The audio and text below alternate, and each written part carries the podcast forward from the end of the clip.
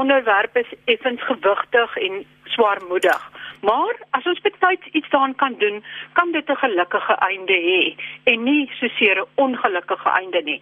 Ek fokus vandag op tieners selfdood en dit is na aanleiding van heelwat tienersterftes die afgelope maande wat in die koerante was wat ook onder my aandag gekom het. En ek het 'n klompie vrae word die druk op graad 11 spesifiek onderskat? Word die druk op tieners onderskat?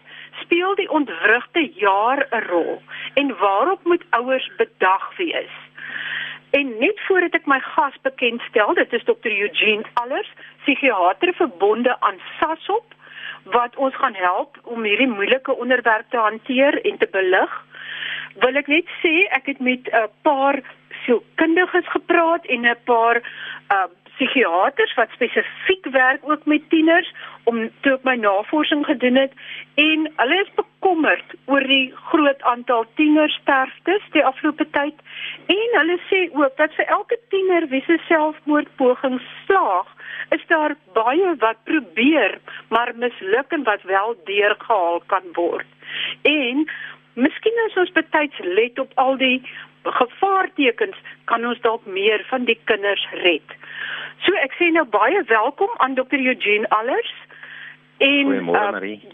Ja, baie welkom. En kom ons begin by die begin en sê het julle 'n toename gesien hierdie jaar in tieners wat depressief is of wat probleme ontwikkel en dan selfmoordgedagtes begin kry? Of is dit maar net soos al die ander jare? Nee, ek dink 'n mens kan sê daar was 'n effense toename. Ons het 'n kinder en adolessente eenheid by die hospitaal en daar was definitief baie meer tieners en baie meer op die waglys want die die eenheid is altyd vol. Ehm um, wat wat uh, regtig probleme het. So ons het nou nie regtig werklike ongelooflike statistiek nie wat jammer is. Maar daar was definitief ons voel dat daar definitief 'n verhoging was.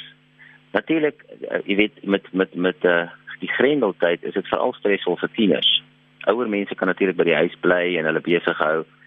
En en isolasie is nie is is nie lekker vir groot mense nie, maar vir tieners natuurlik is dit 'n groot probleem want hulle hou van sosialisering. Hulle hou daarvan om hulle vriende te sien en heeltyd met hulle te kuier. So dit is natuurlik baie meer stresvol vir 'n tiener. Ja, dit het nogal duidelik geword dat skielik was die selfoon en sosiale media nie werklik genoeg nie. Al is hulle so verdiep en die hele tyd besig op hulle selfone. Ja, nee, en, en toe hulle vir so rukkie kon terug gaan skool toe, was dit natuurlik 'n jeuglike dag vir die meeste van hulle, want hulle kon weer hulle vriende daar sien. So ons weet dat hulle baie uitgesien het om weer terug te gaan skool toe, wat eintlik 'n rariteit is, want tieners wil gewoonlik nie skool toe gaan nie. Maar dan hulle wou regtig skool toe gaan want want dan kan hulle weer hulle vriende sien. So dit was 'n baie stresvolle tyd vir die tieners. En natuurlik die skool wat hulle nie kon bywoon nie en alles aanlyn moes doen en uh, en dan die eksamen skryf en slaag. So dit was dit was baie stresvol. Is dit hoekom is dit so belangrik dat 'n tiener sy vriende kan sien en kan sosialiseer? Uh, uh het ons ja, onderskat hoe ja. belangrik ja, dit vir hulle is. Hoe dit ek dink ons het ek, het, ek dink ons het die die die sosialisering van van mense onderskat en baie die tieners. Kyk die, die hoe hoe tieners se koppe werk is as kinders pre-pubertaal is dan is hulle ouerhuis natuurlik vir hulle belangrik hulle lewe sentreer rondom die ouerhuis en rondom familie en neefies en niggies. En uh, gewoonlik as kinders 'n uh, partytjie hou of 'n verjaardag vier dan word dan nooit die ouers gewoonlik die kinders. Hulle nooit nie gewoonlik hulle maatjies nie. Want die want die ouers en die en die maatjies is maar alles in een. So die die die kinders die die huis is uh, is die die die sentrale tema van die van die pubertale kind. Wanneer puberteit inskop en wanneer hulle dan begin uh, tieners raak dan wil hulle dan is dan het, dan wil hulle uitgaan. Hulle wil skielik buite kan die huis beweeg. Hulle wil hulle lewens begin buite kan die huis. En dit is natuurlik die die oorgangsstadium van van die ouer huis na hulle eie onafhanklike lewe. En dis waar hulle dan moet leer hoe om interaksie te tree met die buitewêreld.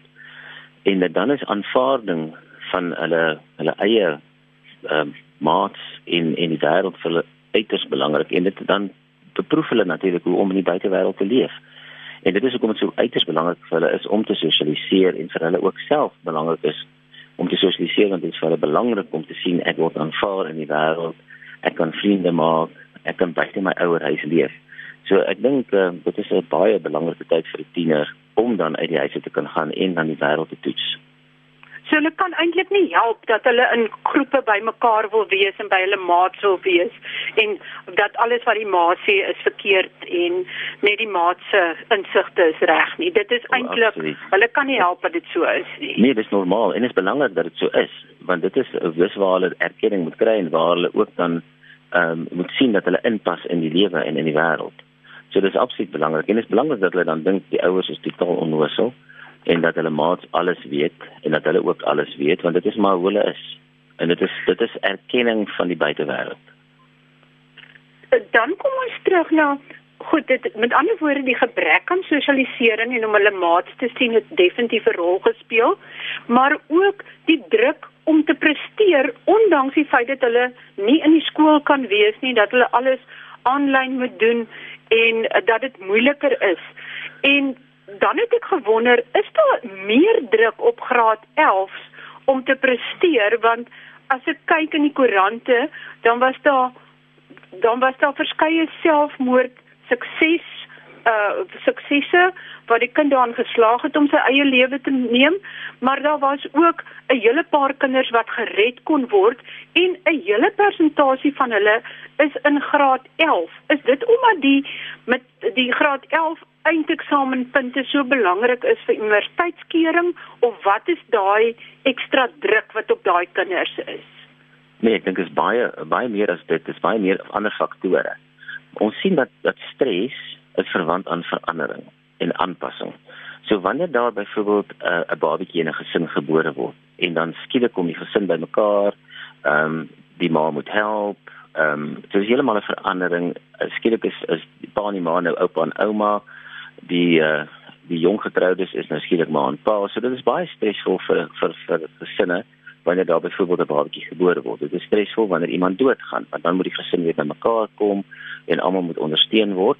En een van die moeilikste tydperke in mense se lewens is om onafhanklik te raak. Dis wanneer 'n tiener moet begin om uit die huis uit te gaan en en en uiteraard in graad 9 graad 11 is dit 'n groot probleem want dan moet jy al klaar jou loopbaan begin kies jy moet weet waar jy moet gaan. Jy moet begin besef jy moet aansoek doen vir kering as jy universiteit toe gaan. Jy moet begin besluit waarna jy moet ek wat se werk moet ek gaan doen. En matriek is eintlik mens weet as jy matriek is nou is dit die jy moet eintlik maar net eksamen en jy moet skryf en dan moet jy gaan doen wat jy moet doen. So daar's baie besluite om te neem in graad 11 en ek dink dis een van die groot faktore hoekom graad 11 so stresvol is En dan moet jy natuurlik besef jy moet jy moet besluit waarna jy gaan en jy moet onafhanklik raak van jou ouerhuis. So dit is baie stresvol vir die vir die graad vir die graad els veral in in graad 12 is jy half deur daai proses. Jy weet eintlik al wat jy gaan doen die volgende jaar. Jy moet net weer kom die eksamen, jy weet jy gaan uit die huis uit. So dit is dis daai daai ding wat baie stresvol is. En dan natuurlik soos jy ook sê, hulle moet ook goed presteer as dit nodig is om kering te doen vir sekere kursusse op universiteit en en dis meer en dan om daai keuses te maak is natuurlik ook baie moeilik en belangrik. Hoe presenteer hoe presenteer dit as jy sien dat jou kind is in die moeilikheid? Ehm um, is dit eetversteurings, is dit depressie? Waarop moet 'n ouer let as 'n alarmteken dat iets nie heeltemal in orde is nie? Wat is daai eerste goed waarna mens moet kyk? Ek dink enige verandering as 'n kind skielik meer uitgaan as gewoonlik. 'n Kind is gewoonlik uh, baie meer huisgebonde, meer stil. Skielik raak die kind baie meer wil uit die huis uit gaan, wil vriende ontmoet. Dis 'n verandering. Dit is eintlik snaaks. Party kinders wat baie sosiaal is, wil skielik net by die huis bly. Daar's ook 'n afname in hulle konsentrasie en hulle punte en hulle jy kan sien hulle doen nie lekker in die skool nie. Party kinders wil ook nie net skool toe gaan nie, behalwe van tevore wou skool toe gaan of hulle wil nie meer die goedes doen wat hulle lekker vind nie. Hulle wil nie meer gaan sport beoefen of kuns gaan doen of klavier oefen wat hulle gewoonlik van gehou het nie. So enige enige verandering. Hulle kan nie slaap nie of slaap te veel. Tieners slaap baie. Skielik slaap hulle nie of baie tieners slaap nie baie nie dan slaap hulle skielik weer baie. So enige verandering wat skielik plaasvind in die normale gedrag van 'n tiener is al klaar roeilig.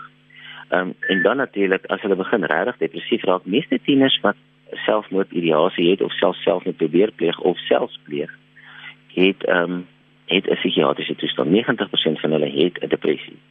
So 'n mens kan dan die tekens van depressie begin waarneem. dat hulle nie konsentreer nie, dat hulle nie fokus nie, dat hulle gemoed laag is, dat hulle nie meer hou van die dinge wat hulle wil doen nie, slaap of eet te veel of te min. Ehm um, daai daai dinge gebeur. So dan begin hulle regtig in 'n depressie ingaan, maar voor hulle selfs in die depressie ingaan, kan mens al baie keer sien hier is 'n verandering.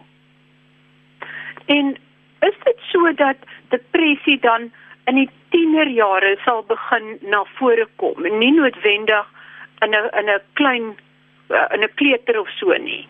Uh of wanneer begin daai tekens van depressie na vore toe kom as jy as jy 'n geneigtheid daartoe het? Ja, ons het al kinders opgeneem in die hospitaal wat 8 jaar oud is met selfmoordideasie en gedrag. Ehm um, dat hulle selfs probeer ophang. Ehm um, so dit is dit is uh, so vroeg as 8. Maar gewoonlik is dit nie algemeen dat 'n kind so vroeg enige tekens van depressie toon nie. Baie kinders wat wat uit 'n huisgesin kom waar bipolêre verstoring byvoorbeeld baie sterk in die familie voorkom, kan vroeg alreeds tekens ontwikkel. Maar depressie self begin gewoonlik eers in tienerjare, gewoonlik eers 'n bietjie later tienerjare. Ehm um, so dis wanneer die eerste tekens gewoonlik begin in in in tieners. So die mees algemene presentasie van hierdie probleem is laat tienerjare meer as in die vroeë tienerjare. Maar ons ons kry kinders al baie vroeg wat alreeds tekens kan toon van depressie. En is dit dan meestal major depressie of bipolêre gemoedstoornis? Nee, die meeste van hulle het major depressie. Bipolêre gemoedstoornis is nie so algemeen in kinders nie. Dit sê dat 'n baie sterk uh, geskiedenis in die familie is. Byvoorbeeld albei ouers het bipolêre verstoring, dan kan hulle reeds begin. Ehm um, want dit is geneties oordraagbaar, nie baie sterk sterk so sekere genetiese siektes nie, maar daar is 'n baie sterk uh, genetiese geneigtheid of familiegeneigtheid om bipolêr te ontwikkel waar depressie nie noodwendig dit is nie. Maar bipolêre verstoring is raar, is nie so algemeen soos ehm um, soos depressie self nie. Ehm um, depressie is maklik 20 keer meer algemeen as bipolêre verstoring in die bevolking. So as mens enigstens depressie sien dan diagnoseer ons eers depressie want gewoonlik is dit die eerste presentering. Bipolêr is later wanneer hulle begin ander simptome ontwikkel, maar die depressie is baie meer so maar depressie is baie meer algemeen as bipolêr veral in, in tienerjare. Dokter Allers, hoekom presenteer dit in die tienerjare? Wat verander dan in die brein dat die goed na vore kan kom? Ek dink jy sien wat dit gaan oor oor die ehm um, die volwasse wording van die brein en hoe dit gebeur en dan ook die stresore wat rondom dit als uh, jy weet bekend is. Ehm um, depressie ons weet nog nie presies wat veroorsaak depressie nie. Ons weet dat stresvolle lewensomstandighede dit veroorsaak, dat genetika dit kan veroorsaak, maar jy het 'n kombinasie van al hierdie faktore nodig. So dit is 'n multifaktoriale siekte wat ehm um, wat homself dan eintlik in die brein. En heel waarskynlik as mens jonk is en 'n kind is en die lewensomstandighede is nie te stresvol nie, dan uh, dan ontstaan hierdie toestand nie want gewoonlik word kinders na gekyk en en dit is nie te stresvol nie. In die, in die kinders wat ons het sien dat dit op 8 of 9 begin, is dit gewoonlik ook 'n verouderde verband met die lewensomstandighede binne die gesin wat stresvol is. Gewoonlik is die ouers ehm um, geskei of hulle is besig om te skei of hulle beklei baie in die huis of daar substansiesmisbruik of ehm um, selfs fisiese geweld waar die ma slaan en daardie kinders sien ons dit as 'n jong kinders. Daar's gewoonlik stres in die gesin of in die familie. Met adolessente baie kere gaan dit oor ehm um, oor lewensvaardighede. Baie kere het hulle afwesigheid van lewensvaardighede veral in vandag se lewe. Ehm um, een van die dinge wat uh, wat baie stresvol vir tieners is is dat hulle skielik begin besef hulle het nie al die lewensvaardighede wat hulle moes leer nie. Baie kinders word grootgemaak in gesinne waar alles vir hulle gedoen word en hulle eintlik baie min hoef te doen want die ouers sien hulle vol bederf en baie die kinders en doen alles vir die kinders en dit is 'n probleem want hulle skielik kom agter ek het nie al die lewensvaardighede wat ek moet hê om buitekant te lewe nie.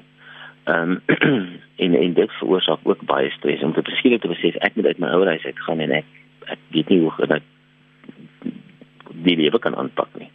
So dis die ander ding wat baie keer stresvol is vir die tieners en dan is dit net die lewensdruk. Jy weet net om 'n werk te kry vandag en om te weet wat ek moet studeer en te weet wat ek studeer gaan ek 'n werk kan kry en en hoe ek die lewe dan daarna moet aanpak, baie stresvol. Baie meer stresvol as in die verlede, veral in Suid-Afrika waar daar natuurlik baie werk is. So dit is ook nog 'n groot probleem vir die tieners. Om te weet wat moet ek nou aanpak? En meeste mense besef ook vandag hulle moet in elk geval 'n tersiêre opleiding kry want 'n matriek beteken ook nie veel om 'n werk te kry weer staan nie. En dan is nog ekstra stres op want hulle moet weet hulle moet 'n vakkeuse maak, hulle moet 'n beroepskeuse maak en dan moet hulle nog steeds verder gaan studeer. So daar's baie druk op die tieners vandag. Maar die groot druk is ook dan hulle moet die vaardighede hê om daai druk te hanteer en baie keer is dit ook afwesig. Dokter Alles, begin hierdie tieners soek hulle die regte hulp, sê maar by 'n psigiater of 'n sielkundige en sien hulle ouers dit raak. Weet dat die ouers hulle dan steun as hulle hulp soek of wil die ouers nie eintlik erken dat daar 'n probleem is nie. Gelukkig dank Vader, dink ek lewe ons vandag in 'n ander era as selfs 20 of 30 jaar terug. Ehm um, 30 jaar terug was dit 'n verskriklike ding. Ehm um, jy weet om 'n psigiater of 'n sielkundige te gaan sien, mense het gedink mal of iets. Ehm um, jy jy kon dit net nie doen nie. Jy weet as jy dit gedoen het, was jy eintlik baie gestigmatiseer. Gelukkig vandag dink ek die stigma is baie meer ehm um, verwyder en weg. Uh, baie dis baie meer aanvaarbaar om 'n sielkundige of psigiater vandag te gaan sien. So dit is 'n goeie ding, maar ek dink daar is nog steeds stigma aan verbonde. Mense praat soms nie net openlik. Ons sien die tieners vir alles hulle na die hospitaal toe kom, hulle nie graag die hele maand weet hulle is in die hospitaal nie, dan dan eh, in 'n psigiatriese hospitaal veral nie. So daar is nog so effens van 'n stigma wat 'n probleem is.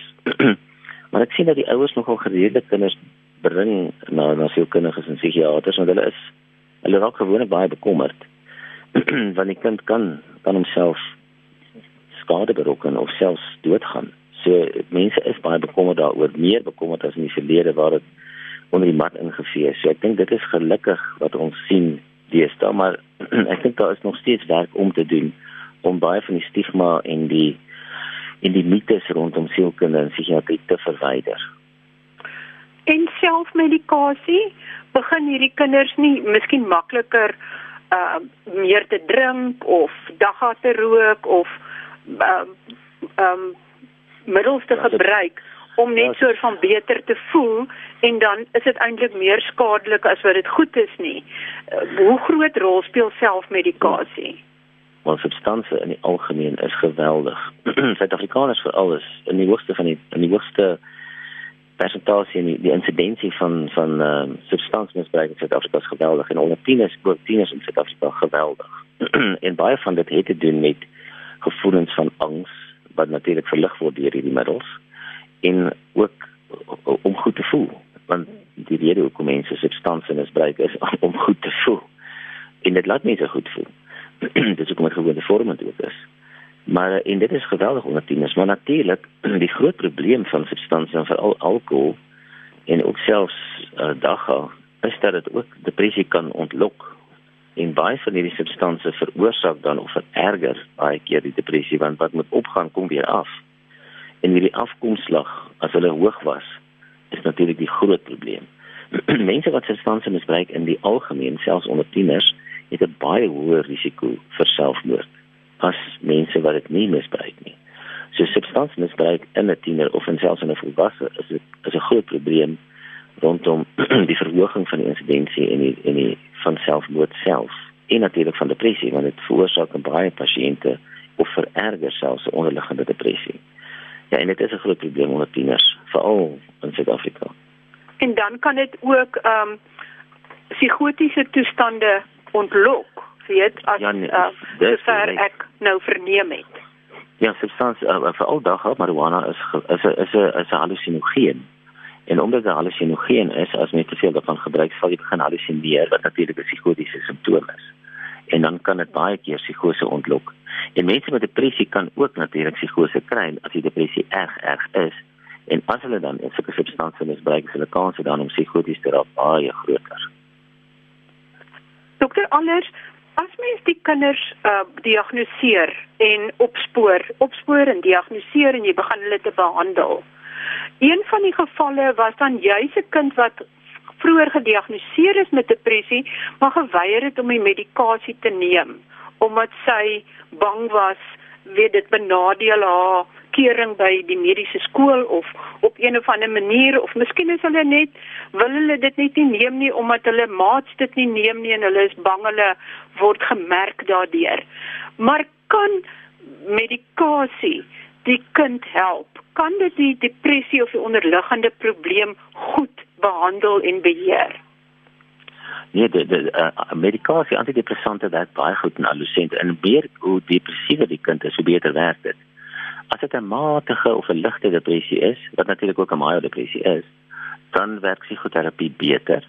Veral as die kind baie jonk is, dan blyk dit vir ons dat die medikasie nie wondere verrig nie en dat dit beter is dan om die psigoterapie te doen en die gesinsterapie en om die probleme binne die gesin te herstel. Ehm um, hoe ouer die kind raak, hoe beter kanse is dat die antidepressant beter sal werk en hoe depressiewer die kind is, hoe beter werk die antidepressante. So nie antidepressante is definitief aangedui wanneer 'n kind major depressie het en hoe ouer hulle is, hoe definitief meer is dit aangedui. Die een groot probleem van antidepressante is egter dat sodra die antidepressant begin word vir enige iemand onder die ouderdom van 25 kan dit vir die eerste 2 weke of 3 weke die die depressiewe gevoelens vererger. So dit is baie belangrik dat wanneer medikasie begin word, wat moet begin word, wanneer dit op die ouene voorkom dat daar selfmoord gepleeg word, is om die kind baie streng dop te hou die eerste 2 of 3 weke. En uh vir selfmoord wag op die kind te hou. Met ander woorde om hom baie goed op te hou, want dit dit dit verhoog die kanse van selfmoord en selfmoordideasie. So dit is wat ons altyd aanbeveel is dat of die kind opgeneem word in die hospitaal as mens nie daarna kan kyk nie en dat daar in die hospitaal na die kind gekyk word of as dit by die huis is dat daar definitief mense is wat die hele tyd na die kind kyk vir al die eerste 2 weke. Nou is studies gedoen aanvanklik was dit so gewees dat dit dat dit bekend geword het dat hierdie medikasie kinders se selfmoordrisiko verhoog aan die begin. En dis die medikasie eintlik onttrek om vir kinders te gee en te sê moet dit nie vir kinders gee nie. En toe het die selfmoord ehm um, getalle dramaties opgegaan van veral tienerjariges. En toe het mense besef maar ons kan eintlik nie hierdie medikasie onttrek van kinders nie want dan kry mens op die ou einde dat hulle in elk geval 'n hoë insidensie het van selfmoord. Die enigste probleem is net dat hulle die eerste 2 of 3 weke dopgehou moet word want dit is die tydperk wanneer die selfmoordrisiko dan of die ideasie, hulle dink aan selfmoord opgaan, bietjie meer opgaan en na 2 of 3 weke dan begin dit dramaties afneem soos die medikasie dan begin werk. So dit is maar net wat moet onthou word. Dokter Allers, is dit so dat vir elke tiener of jong mens wat slaag met sy poging, is daar heel baie wat gered kan word? En wat is die reaksie van hierdie kinders as hulle wel gered word? Is hulle bly hulle is gered of is hulle spyt hulle is gered? baie ons ons ons neem natuurlik baie kinders op wat hierdie noodgevalle kom wat oordosies met medikasie geneem het of ander pog probeer ander pogings aangewend het. Maar ehm um, en dan word hulle natuurlik in die hospitaal opgeneem onder ons sorg en dan behandel ons hulle en dit is ongelooflik hoe vinnig tieners herstel. Want dit is maar 'n siekte. So wanneer ons dan depressie begin behandel, die ouers inkry, gesinsterapie doen, terapie doen, medikasie begin, dan respondeer hierdie adolessente ongelooflik goed op die behandeling En dan wanneer daar ook onderliggende stresore is, kan mense dit baie maklik aanspreek. As daar skoolprobleme is, dan verwys ons na arbeidsterapeute wat kan help met studiemetodes. Ons praat met die skool self. Die sielkundiges help om probleme binne die gesin op te los. So dit werk eintlik baie goed dan om hierdie stresore en dit die kind omdat adolessente so baie keer ook stil bly en mens praat nie oor goed nie maak mens dan hierdie probleme oop en dan as mens eers daaroor begin praat, respondeer hulle ongelooflik goed en is hulle dan baie keer op spyt dat hulle eerder daardie oplossing probeer het eerder as die regte oplossing wat eintlik die probleem oplos eerder as net om om die probeer dramaties te vererger. Ehm um, die selfmoordpoging aan te wend wat eintlik die probleme vererger nie eintlik oplos nie. So nee, hulle respondeer ongelooflik goed en hulle is ook dan baie bly dat hulle dit oorleef het. Kom ons hoop dat ander tieners ook vandag luister of ouers en dat hulle dan ook uh besluit om eerder 'n meer gesonde oplossing te soek of 'n meer um oplossing wat nie tot die dood lei nie. Dokter alles as jy in 'n neete dop met op 'n natuurlike oplossing wat werk. Ja.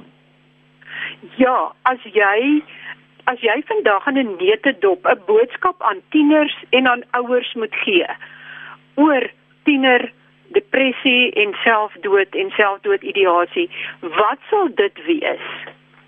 Dit sal wees as ou die tiener dop. As jy sien jou tiener is nie lekker nie of daar's 'n probleem, as jy vermoed daar's 'n probleem, gaan soek hulp want tieners respondeer ongelooflik goed op psigiatriese en en sielkundige hulp. Hulle doen regtig baie goed. Omdat hulle bly en so vas is en hulle kan dit maklik verander, hulle is nie so vasgevang in hulle probleme soos volwassenes baie keer nie. So definitief dit is dit is 'n baie daar's baie goeie oplossings vir hierdie probleem en moenie wag tot daar 'n dramatiese probleem kom en selfs 'n tiener probeer homself met 'n probeer pleeg of iets drasties aan te vang nie. Kry hulp. Dokter Allers en net om af te sluit, het jy dalk 'n boodskap vir ouers wat reeds 'n kind verloor het aan hierdie probleem? Hoe gaan hulle vorentoe met hulle lewe? Dit is 'n baie groot probleem want as as dit as jy ouer is wat 'n kind daardie verloor het, is die skuldgevoelens en die verlies ongelooflik. Um, en dit is baie moeilik om daarop te kom. Dit help baie keer om ondersteuning te kry, ook selfs hulp te kry by sielkundiges en psigiaters en ook selfs 'n ondersteuningsgroep van mense. Daar is mense wat wat ondersteuning gee en wat ook self kinders verloor het wat deur dieselfde probleem gaan en dit help baie om met sulke ouers ook kontak te maak en te praat want dit uh, dit help baie en dit dit help om seker te bel want hulle kan mense in in uh, in in 'n rigting instuur waar mense hulp kan kry en ook waar mense hierdie ondersteuningsgroepe kan kry. Dit is baie belangrik. Baie baie dankie dokter Allers en die belangrikste ding is dus soek hulp en kry ondersteuning want daar is 'n uitweg anderste as om uh, as hierdie ongelukkige tragiese pad wat sommige tieners uh, besluit om te loop. En ja. daarmee sluit ons aan af vir vandag. Ek wil net sê volgende week gesels ek oor slaapapnee, snork en wat het hierdie twee dinge met jou hart te doen? En jy moet luister want jy gaan nogal verbaas en geskok wees oor die verband tussen slaapapnee, snork en jou hart. Tot volgende week dan. Groete van my, Marie Hudson.